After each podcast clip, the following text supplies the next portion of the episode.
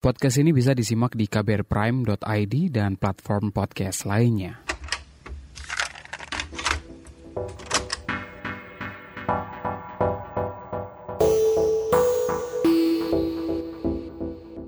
Hey, sebelum lanjut mendengarkan podcast ini, yuk kita jeda sejenak untuk mengingat dan berdoa buat Mira. Saya memang tidak kenal dengan Mira yang jadi korban kekerasan. Mira adalah transpuan yang dibakar hidup-hidup oleh sekelompok orang di kawasan Cilincing, Jakarta Utara. Saya nggak ngerti kenapa laku semacam itu masih terus terjadi di Indonesia. Bukannya Indonesia ini negara yang ramah, yang religius, menghargai perbedaan dan slogan-slogan positif lainnya.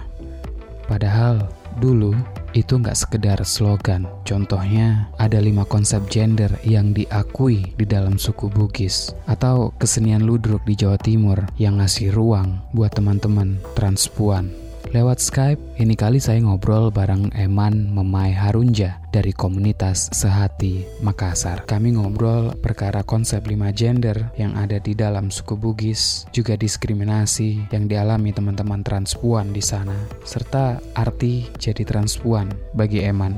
Anda mendengarkan Love Bus bersama saya, Asrul Dwi.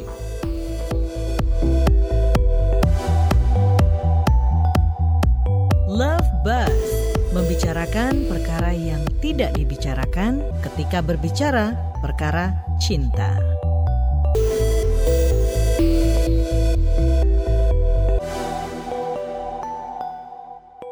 Di Makassar gimana orang-orang menghadapi wabah corona ini? Hampir sama sih dengan di Jakarta. Saat ini juga Makassar di rumah aja, bekerja di rumah dan baru-baru ini saya lihat kemarin di situs bahwa Gubernur Sulawesi Selatan sepakat untuk melakukan lockdown di setiap wilayah. Dan memang sih untuk khususnya di komunitas ya terjadi uh, kepanikan, kecemasan dan dan ketakutan tersendiri terkait wabah corona ini termasuk teman-teman di komunitas hati Makassar. Secara internal sendiri kami sejak pertengahan bulan 3 kami secara internal tidak melakukan aktivitas pertemuan lagi. Jadi kami rapatnya dua kali seminggu secara online. Itu salah satu untuk mengatasi dan beberapa kegiatan yang melibatkan komunitas yang bertatap muka itu juga kami cancel dan tidak tahu sampai kapan kami melakukan penundaan ini tergantung situasi dari pemerintah kan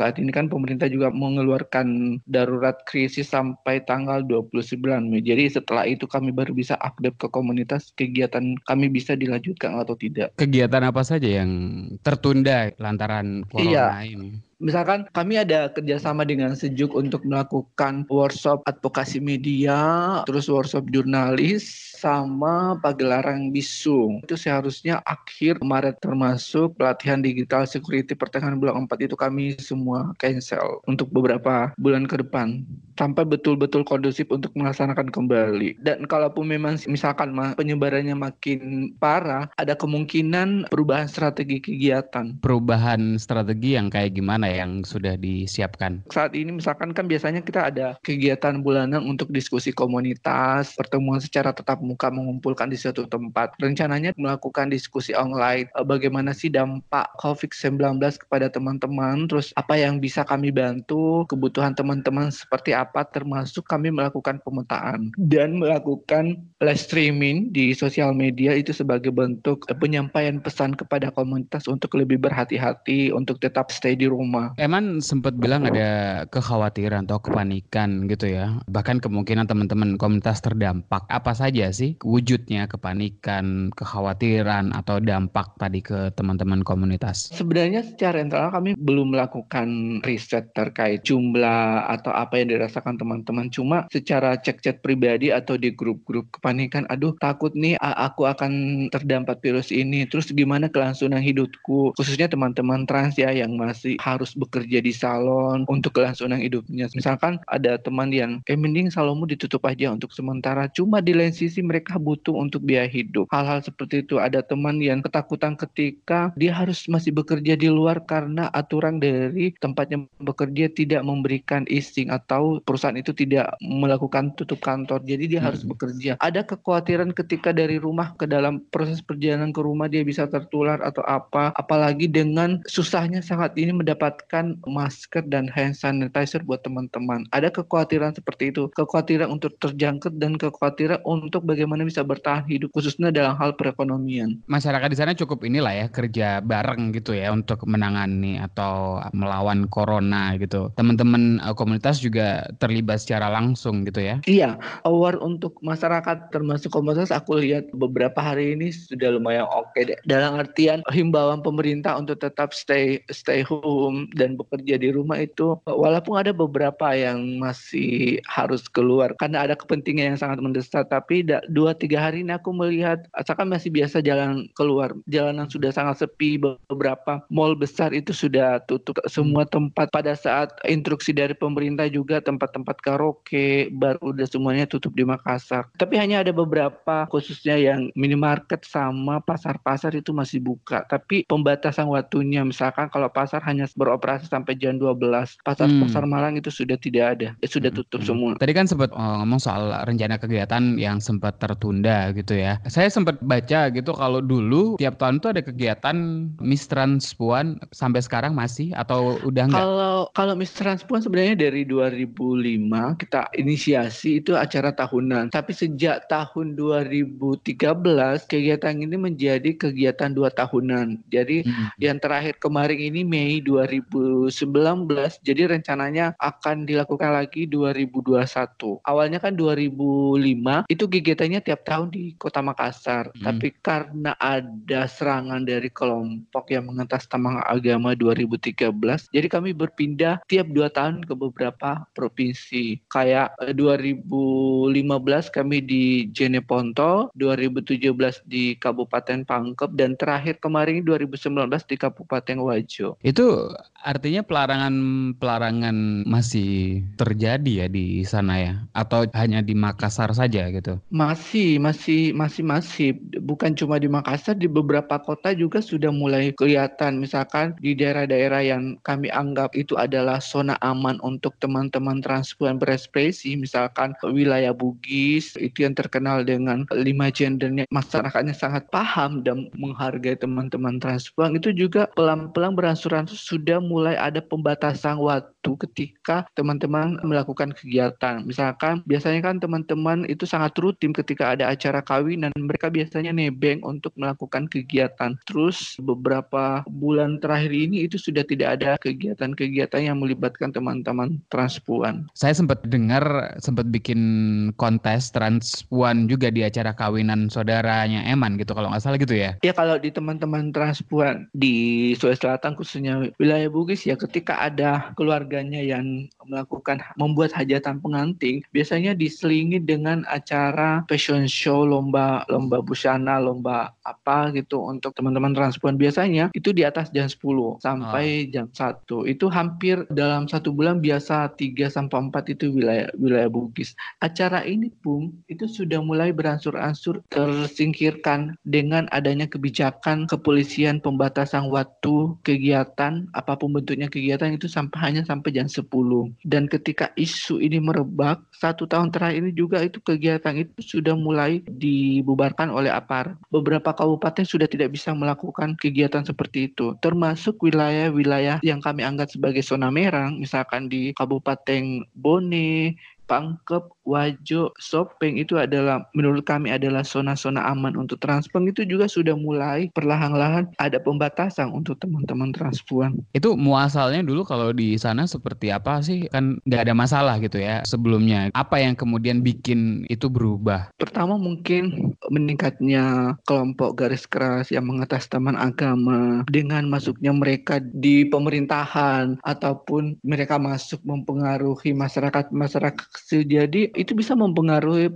pemahaman masyarakat. Padahal beberapa tahun yang lalu misalkan sebelum tahun 2010 itu hampir tiap tahun ada aja event-event yang melibatkan transpuan. Bisa hmm. sampai 3 4 kali dalam setahun. Tapi setelah kelompok ini semakin meningkat, itu semakin masif mereka melakukan ujaran kebencian, pembubaran dan pembatalan kegiatan yang melibatkan teman-teman transpuan. Kerukunan Waria Bisu Sulawesi Selatan, KWRS dia punya event tiap tahunan uh, Porseni Waria dan paling besar itu mereka dibubarkan tahun 2017 Januari dan itu atas nama ormas agama mereka melapor ke Polda bahwa itu acara harus dibubarkan dan mm -mm. sampai sekarang sudah tidak bisa lagi dilakukan. Porseni ini cabang olahraga atau kegiatan apa saja sih yang ada di dalamnya sebenarnya? Ada olahraga, ada volley, ada sepak bola, uh, ada lomba lari karung, terus ini ada fashion show, ada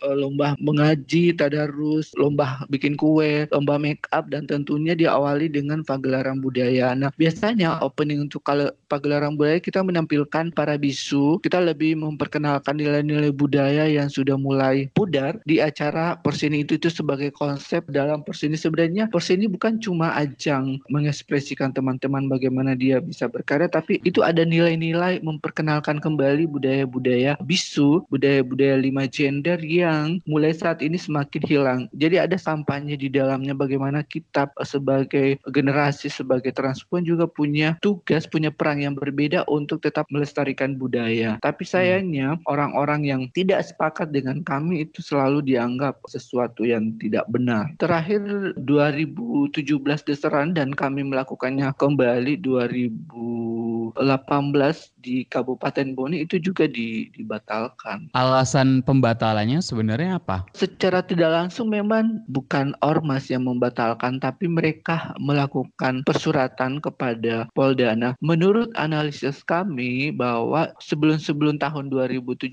yang tidak suka atau sering melakukan ujaran kebencian pelakunya adalah ormas tapi dari tahun ke tahun mulai 2017 sampai beberapa tahun ini kami menganalisisnya bahwa pelakunya adalah dari aparat negara lewat kepolisian. Karena kami melakukan persuratan ke Polda. Kami meminta ising kami diminta persyaratan A B C D. Kami memberikan persyarat itu. Besoknya kami diminta lagi syarat E. Sampai dua tiga kali setelah kami kasih E dia minta lagi F. Jadi kami seolah-olah ini kok tidak transparansi bagaimana sebenarnya proses itu dan pada saat hari H polisi yang mengatakan bahwa ini ada desakan dari Osmar dan teman-teman tidak bisa melanjutkan ini karena tidak punya izin dan ketika pembubaran itu selesai kami meminta audiensi ke pihak kepolisian dan itu kami tidak direspon.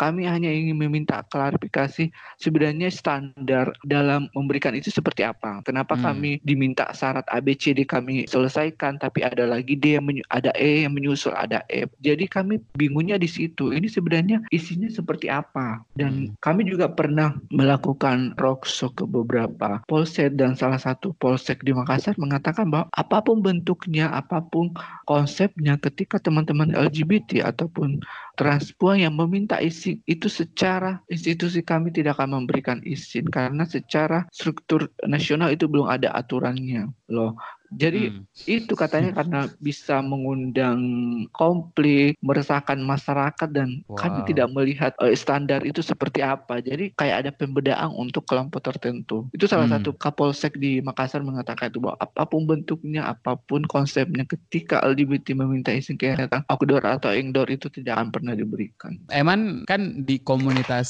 uh, hati gitu ya. Boleh cerita nggak sih soal komunitas ini? Kalau komunitas hati Makassar itu kita berdiri dari tahun 2007. Tapi sebelumnya itu dia hanya sekumpulan anak muda yang bergabung di grup Gaydalnya. Kita belum tahu ada organisasi, belum tahu ada pergerakan. 2007 teman-teman dari Jakarta harus pelangi datang dari situ kita diinisiasi untuk membuat organisasi. KSM sendiri saat ini fokus di isu advokasi hukum dan HAM untuk kelompok berbasis SOGSC, pendampingan, pendokumentan kasus. Emen sempat nyebut masyarakat masyarakat Bugis mengakui ada lima gender gitu ya. Lima gender ini apa saja gitu? Itu ada Urane, Makunrai, Calabai, Calalai, dan Bisu. Sebenarnya saya bukan asli Bugis sih. Kalau Urane itu dia laki-laki, diidentifikasi sebagai laki-laki. Mm-hmm. Kalau Makunrai itu identikan dengan perempuan. Hmm. Kalau calabai itu biasa diidentifikasi sebagai transpuan, calalai itu untuk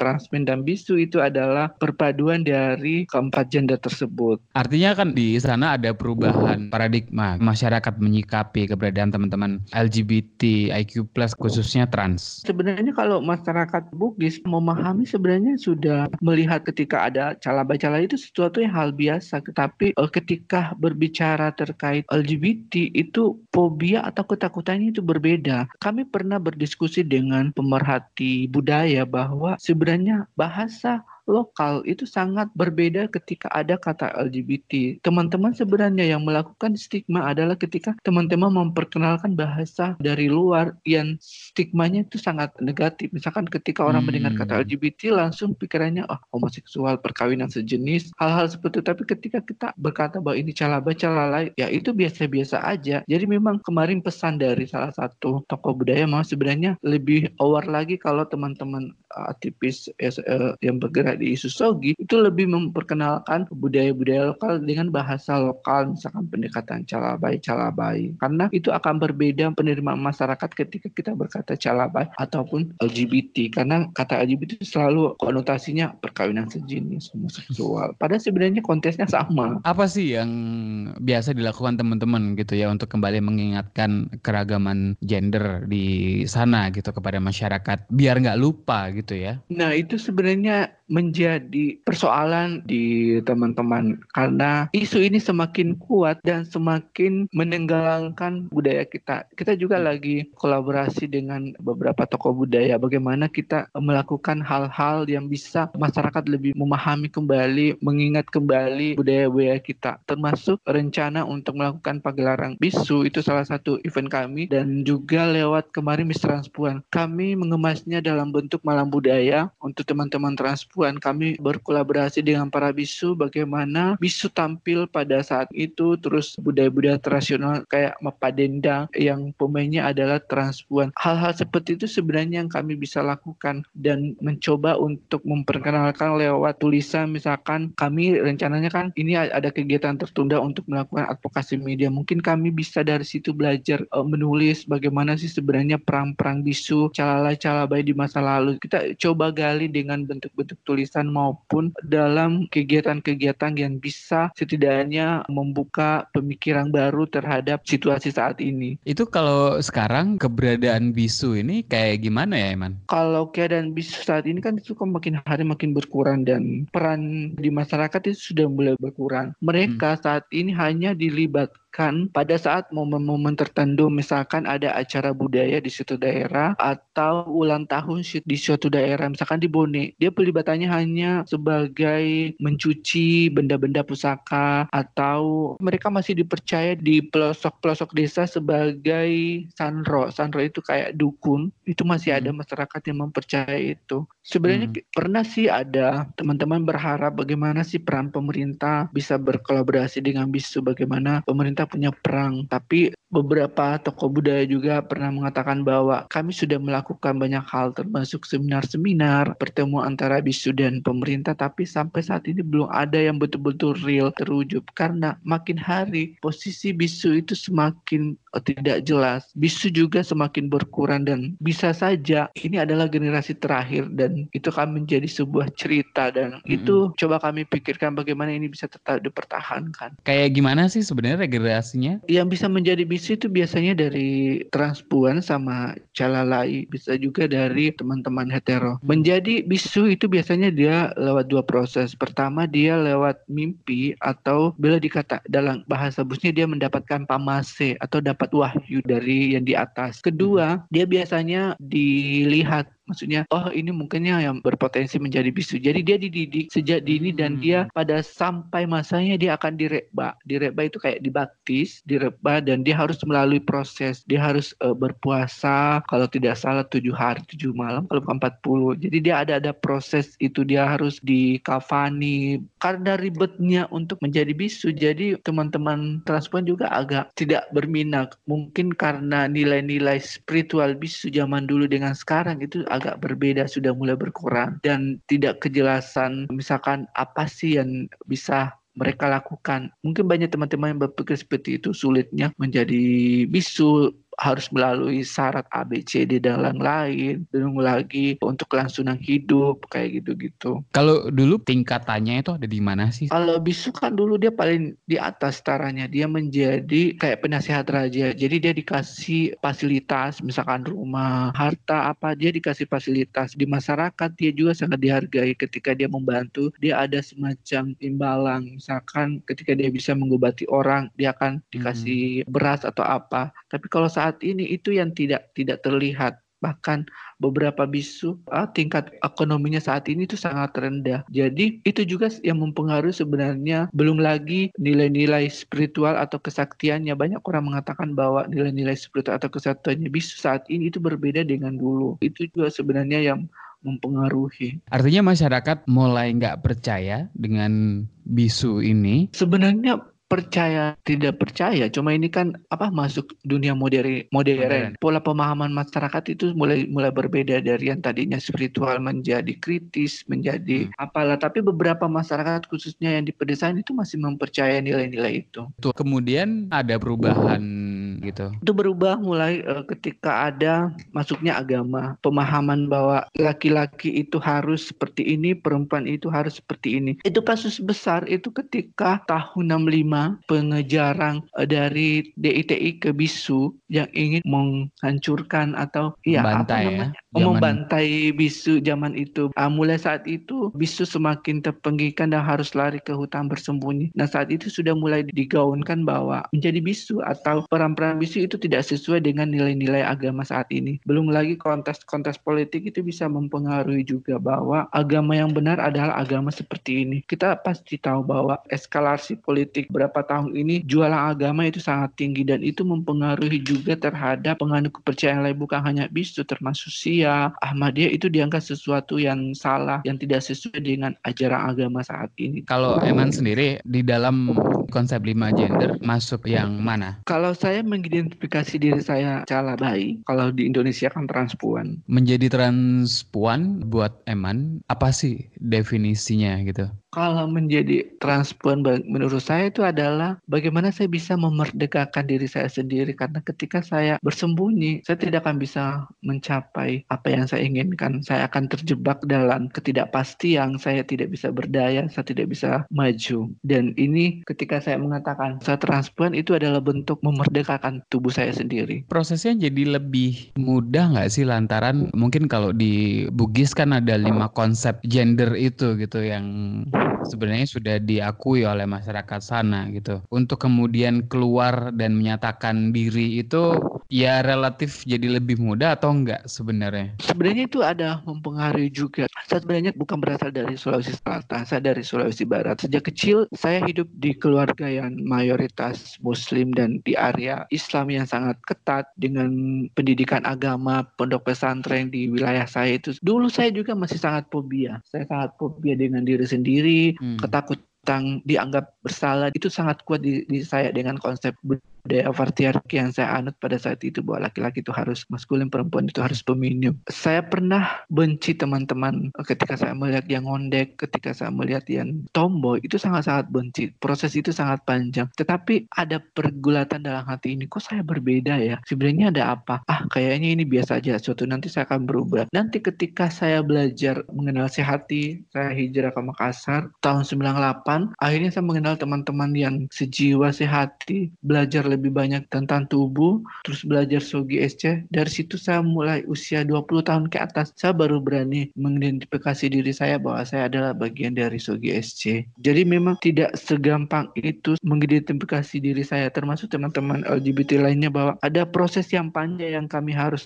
lalui. Sejak hmm. kecil kami dihadapkan hanya laki-laki dan perempuan. Kami tidak pernah belajar terkait keberagaman gender, keberagaman identitas, apa itu orientasi. Kami belajar sendiri setelah mengenal sendiri. Saya baru oh ternyata saya adalah seperti ini. Eman sempat ngomong soal laki-laki harus maskulin, perempuan harus feminim gitu ya. Yang kemudian saya pahami adalah kan memang ekspresi feminitas kan juga berbeda-beda gitu ya. Ini kalau dalam konsep gender yang lima tadi itu juga udah ada gitu nggak sih? Ini pendapat pribadi saya bahwa konsep Sogi dengan berbicara terkait calabai dan calalai itu hanya identitas gendernya. Calabai hmm. dan calalai adalah identitas gender. Masyarakat hanya memahami itu adalah identitas gender dan ketika teman-teman si calalai belum tentu mereka memahami apa sih sebenarnya ekspresi gender itu, apa sih identitas gender. Karena secara pengetahuan Sogi bahwa orientasi seksual, identitas gender, ekspresi gender itu semuanya hal yang berbeda dan yeah. tidak saling mengaitkan bahwa ketika orientasinya adalah A, otomatis ekspresinya juga adalah A. Dan konsep itu menurutku tidak sama dengan konsep uh, lima gender. Karena kalau saya melihat calabai dan calala itu hanya identitas gender, belum uh, tercover orientasi seksualnya dan ekspresi gendernya. Selain tadi memperkenalkan kembali gitu ya budaya Bugis uh, lewat pagelaran bisu yang rencana digelar, juga ada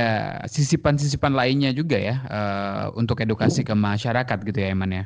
Iya, rencananya ini kan awal bulan enam itu akan ada acara besar konsepnya toleransi dan itu akan bisa saja akan ditampilkan bisu dalam acara Mapat Mapatoba, Mapato eh iya kalau tidak salah Mapat eh bukan. Aku lupa sih. Intinya nah. adalah para bisu dikumpulkan dan berdoa, ada semacam ritual berdoa untuk kemakmuran, kesejahteraan masyarakat dan keamanan untuk wilayah ini karena kita lagi menghadapi semacam krisis atau apalah dia semacam ritual ada ritual tertentu itu sebenarnya acara tahunan juga sih yang digagas oleh para tokoh budaya. Saya sempat baca soal magiri. Itu itu semacam tarian oh itu tarian para bisu. Oh, itu ada ritual-ritual di dalamnya bagaimana bisu dia kebal terhadap suatu benda tapi itu ada ada semacam doa-doa yang harus dilakukan biasanya ditampilkan pada acara-acara tertentu misalkan ada tokoh yang datang atau ada pagelaran sekarang itu biasanya ditampilkan. Itu namanya tari magiri. Ada nggak sih ya dari teman-teman mungkin kalau nggak jadi bisunya gitu mungkin dia belajar proses ritualnya saja katakanlah kayak tadi ada tarian magiri gitu. Mungkin di kontes transpuan nanti atau miss transpuan nanti mungkin harus mereka disuruh belajar itu kali ya. ya? Kalau ilmu itu sebenarnya kan turun temurun dari bisu dari bisu hmm. ke bisu. Ketika uh, teman-teman uh, ingin berminat menjadi bisu, biasanya bisu eh, toa, eh bisu, iya bisu yang tua yang dituakan, puan matua istilahnya, itu akan mengajarkan mulai dari hmm. tingkatan bawah. Misalkan uh, dia belajar dulu cara jampi-jampinya seperti apa, terus cara menari, terus dia kebal keris yang ditancapkan. Jadi hmm. bagaimana dia menyatu dengan keris miliknya sendiri. Itu itu ada akan diajarkan ketika teman-teman berminat untuk jadi bisu. Tapi bukan cuma itu karena peran-peran bisu itu banyak. Misalkan dia kalau di acara ulang tahun Kabupaten Boni kemarin itu dia harus bisa membersihkan benda-benda pusaka, dia harus bisa menjadi leader, menjadi pemimpin dalam pertemuan acara ulang tahun itu dia jadi dia dia yang memandu semua acara pada saat itu. Kalau Eman nggak tertarik untuk jadi bisu? Untuk saat ini belum tertarik, tapi saya pernah ikut satu kali pagelaran Mak Giri, tapi dia hanya bagian apa namanya yang hamburkan bunga itu, tapi diajari dulu. Jadi sebelum tampil itu kayak aku nggak tahu itu aku diapain, dibaca-bacain. Pada saat itu kurang personalnya, jadi aku diajak kamu aja yang tabur-tabur bunga. Berarti kan eh, nggak uh, harus jadi bisunya ya untuk ikut ritual atau belajar belajar ritualnya gitu ya? Iya, kalau itu. Tapi kalau untuk yang makgirinya atau eh, central point-nya itu harus ya, bisu. Iya sih. Tapi kalau harus... hanya penggiri, misalkan, oh, misalkan kalau untuk hanya mengirim tarian teman-teman transport itu bisa. Karena kalau magiri kan harus sakti kayaknya ya. Kan? Iya. Nusuk-nusuk keris. kalau tari-tarian gitu teman-teman transport juga banyak yang belajar gitu ya, tari-tari ritual gitu. Iya. Di daerah Bugis itu beberapa teman belajar tari-tarian sebenarnya beberapa tari yang untuk para bisu tapi aku, aku lupa sih ada Magiri ada lupa ada beberapa sih. Mungkin pertanyaan ini juga nanti bisa jadi bahan pertanyaan untuk Miss Transpuan tahun berikutnya gitu. Menurut Eman, cinta itu apa? Cinta itu ketika aku bisa berbagi dan orang-orang di sekitarku bisa selalu tersenyum. Kalau punya saran, komentar, atau ingin berbagi cerita, boleh banget email ke podcast at kbrprime.id dan tulis love bus untuk subjek emailnya. Berbagi jadi kata kunci di akhir obrolan saya bareng Eman. Itu penting, lebih-lebih saat seperti ini, ketika wabah banyak bikin orang susah.